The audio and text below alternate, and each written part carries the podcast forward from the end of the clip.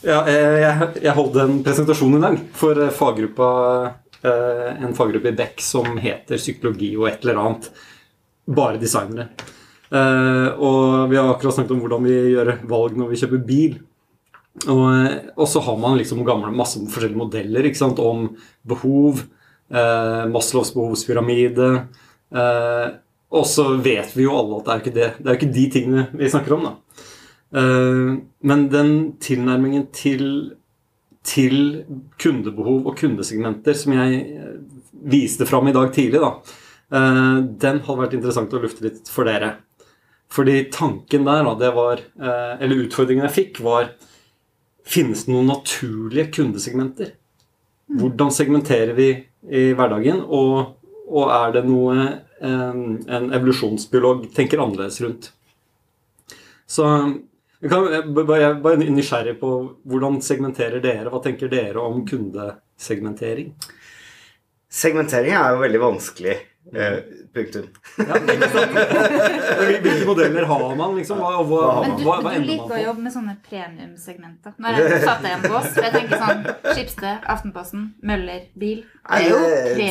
Med, sannhet med modifikasjoner. Jeg jobba i media da, i Skipsted. Og da jobbet jeg med de norske publikasjonene til Skipsted. Mm. Og der er jo Du kan, kan si at VG på sett og vis er premium, men det er jo, det er jo en folk, folkelig avis. Den er mm. for alle. Mm. Og det er egentlig et interessant case for å snakke om segmentering. Hvordan segmenterer du for en avis som den gangen hadde 2,4 eh, millioner besøk? Altså det er forskjellige devices og sånn, så realiteten var nærmere 1,8 hver dag! Mm. Ja, det er jo basically alle i Norge. Hvordan segmenterer du?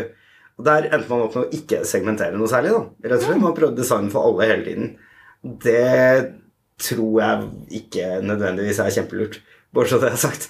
Eh, Aftonbladet i Sverige de hadde delt inn i fire erketyper, da, eh, som var veldig sånn, redusert ned til noen sånn superenkle, basic stereotyper. stereotyper. Og de var ikke egentlig detaljert ut i noe særlig heller, men det ga de i hvert fall en knagg å henge diskusjonen på. Mm. jeg tror at hvis vi skal snakke om segmentering i, i dette veldig um, um, ja, både funksjonelle og, og emosjonelle kjøpet bil, da, mm. så, så, må vi snakke om hva er, hva er de praktiske dimensjonene, og så prøve å finne ut av om det er, det er Nesten så enkelt sånn har bil, har ikke. Første gang. Ikke første gang. Ja. Mm. Og så er det denne, denne utvidede behovspyramiden, som er, er en fantastisk trappemodell, ja. eh, som henger sammen med alder og hvilke behov som kommer til. Eh, jeg er veldig, På toppen der sånn så ligger dette med å ta vare på barna sine, mm. eh, og det er veldig interessant. Og det ser vi også i, i bilkjøp. Har du barn, så er jo valgene helt annerledes og overstyrer. Det kan ta eh, det, det dytter på rammene. Mm. Alle rammer. Så det i seg selv er et segment. Mm. Eh, men så må man jo finne ut av hvilke segmenter er det man skal tilfredsstille, eh, og hvor mange skal man prøve å dekke.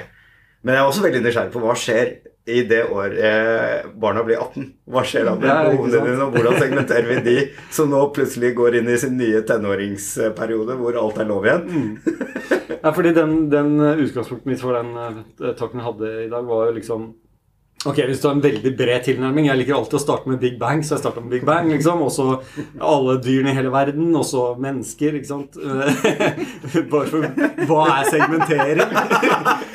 Men eh, det, Og det var tre slides. Også, men så kommer du inn på hva er det ved mennesker, da, ikke sant? og hva er universelt. Og det, det finnes ganske mye man har avdekket at er universelt hos mennesker. Masse grunnleggende som behov og, og sånne ting som man har kartlagt Eh, bare rent empirisk. Bare samlet inn hva er det som ikke varierer mellom kulturer.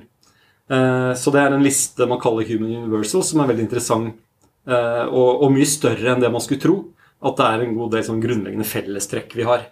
Og så er det en annen tilnærming som handler om For det er veldig sånn ovenfra og ned. Du spør masse folk eller gjør masse observasjoner og finner ut at dette, er, dette finnes i alle kulturer. En annen tilnærming som kommer fra, eh, fra den evolusjonære tilnærmingen, da, det er liksom hvilke grunnleggende problemer trenger eh, mennesker å løse. Mm. Fordi vi er biologiske eh, dyr, da. Én ting er liksom unngå å dø. Beskytt deg selv eh, for fysisk fare og, og, sånt noe. En annen er uh, unngå å bli smittet, for det, smittestoffer uh, finnes, har alltid funnet. Unngå å bli syk. Og en, en av de si, grunnleggerne av en evolusjonær tilnærming til kundeatferd Eh, han har samlet dette inn i syv sånne eh, ting vi, problemer da, som vi skal løse. Og Da kommer dette med å ta vare på barna sine, finne en partner, passe på at partneren ikke forsvinner til noen andre, status, venner, og, og beskytte seg mot sykdom og beskytte seg mot skade. Det er, det er liksom universelle problemstillinger som vi har masse apparat til å håndtere. Da. Eh, og, og så, men ikke sant, dette er universelt. Så kommer segmenteringen. Hvordan forholder vi oss til de syv problemstillingene i ulike deler av livet? Du passer jo ikke på barn når du er litt barn selv. Eh, når er det du begynner å- å gjøre det? Jo, det er etter at du har funnet deg en partner. Og vips kan du liksom begynne å space ut ting og lage litt sånne naturlige, eh, naturlige segmenter. Da. Eh, så det, og, og så hadde jeg et par sånne ting til. Det er noe som heter Life History Strategies, som er kjempespennende, og en god del andre ting som vi må ta i. Dette, dette må være en annen tog.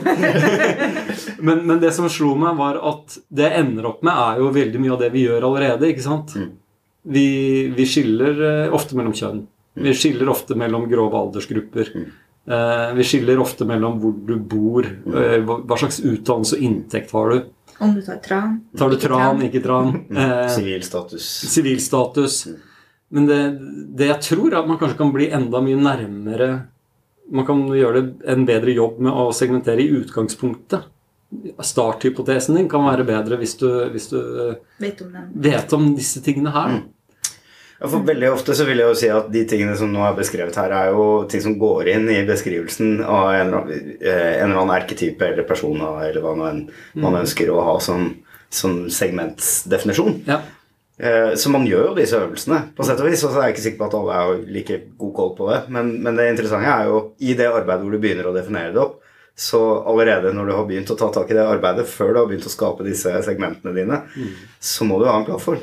Ja. Og det handler om å forstå menneskets behov eh, helt basic, først og fremst. Ikke sant? Men jeg tenker også at det er, noe, det er noe veldig fint med måten design funker på. I hvert fall digital design. Da. Det er jo at vi, vi, er jo, vi er jo drevet av å få empiri på ting. Så selv om vi, start, selv om vi har starta med et helt vill feil antakelse om mennesker Hvis du fortsatt tester den ut, så Ja. ser du jo Du ser opp, kommer jo til å oppdage virkeligheten der ute uansett. da. Ja.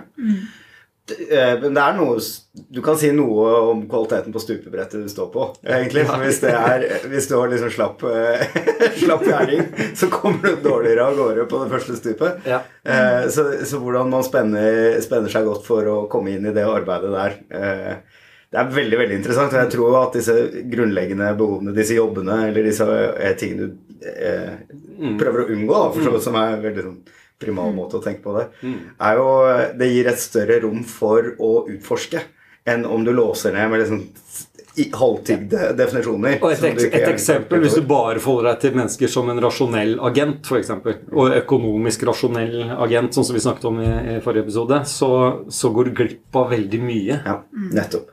Og det er ofte et problem med, med beskrivelser av segmenter, er at de faktisk nesten står i veien for innovasjon. Jeg var på, på besøk hos uh, The Guardian for mange mange år siden. Altså, de snakket bl.a. om hvordan de segmenterer sin uh, måte, kundegruppe. Og De hadde veldig enkel segmentering og i, på det tidspunktet da, i fire måte, nivåer. Hvor de hadde spectators, reactors, curators og creators. måte. Og Det var en veldig fin måte for dem å måte tilpasse hva slags type liksom, eh, løsning de skulle lage, hva slags type kommunikasjon de skulle bruke.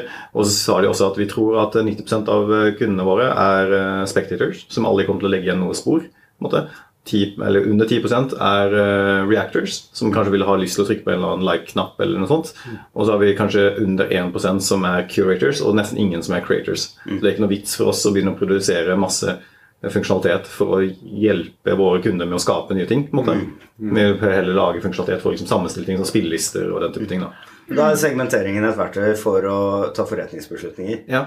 Og det er jo veldig interessant. da. Og da er det jo fine å, å velge bort noe.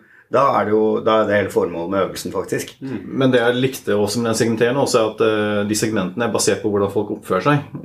For at, og det kan variere fra dag til dag. På en måte, så en, eh, en måte, eh, curator kan bli en spectator fra kontekst til kontekst fra dag til dag. Og det er en interessant måte å tenke på, i stedet for å tenke på folk i segmenter. Heller tenke på atferd i segmenter. Ja, mm. Ja, og da er vi tilbake i det jeg syns er veldig interessant. Da, med, og, og, mye av grunnen til at jeg syns digital produktutvikling og digital tjenesteutvikling er spennende i seg selv, er fordi man får feedback. Mm. Eh, du, og, det, og, det, handler om atferd. Det handler om responsen du får, og, og så blir vi med god hjelp av designere. Jeg er ikke designer selv, men, det er designere som har satt dette her i fokus, at vi faktisk må måle hva som skjer, og, og ha en antakelse om, eh, om kundeatferd, og at det er kundens atferd og påvirkning av den som egentlig design mm. handler om. Mm.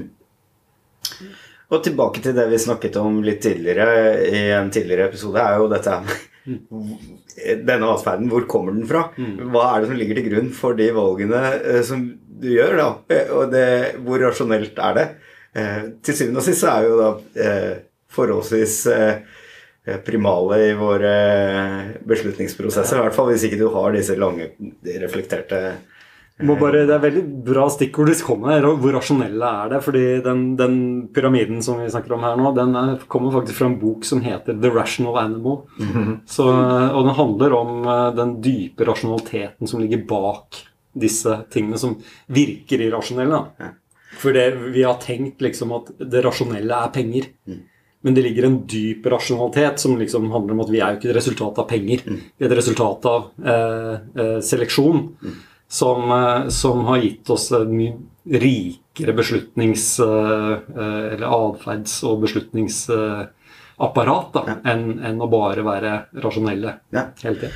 Altså, dette er jo ikke noe hemmelighet. Mange som sikkert har hørt det før, men noe av grunnen til at VGs forside er som den er, er jo en, det er en veldig eh, nøye gjennomtenkt strategi om at man tilfredsstiller indirekte behov i den sammensetningen. Så, altså, la oss si at jeg ikke nødvendigvis er så veldig interessert i nyheter, men jeg syns det er gøy med underholdning. Mm.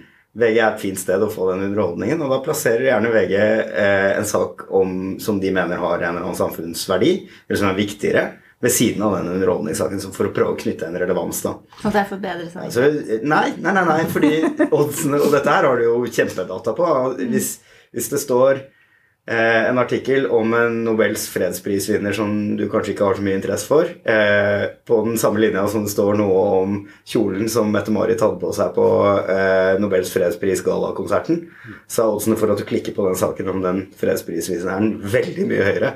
Mm. Ja? Så det er jo sånn hele denne forsiden fungerer. Mm. Og det er jo tilbake til dette med at de ikke egentlig har noen segmenter, men de blander absolutt alt inn i samme produkt. Ja. Så må de tilfredsstille mekanismer som går alle veier. Mm. Og det er ganske fascinerende. Så det er jo en kul mekanisme. Du kan ikke si noe annet. Og jeg tror det er the secret sauce da, i veldig stor grad. Mm. Så man skal man skal være klar over hva som ligger i det mulighetsrommet, hvor, hvor de mindre rasjonelle prosessene styrer valgene du tar, men vi kan nudge eller hjelpe deg på veien til andre valg også. Veldig kult. Takk. Takk for praten. hmm.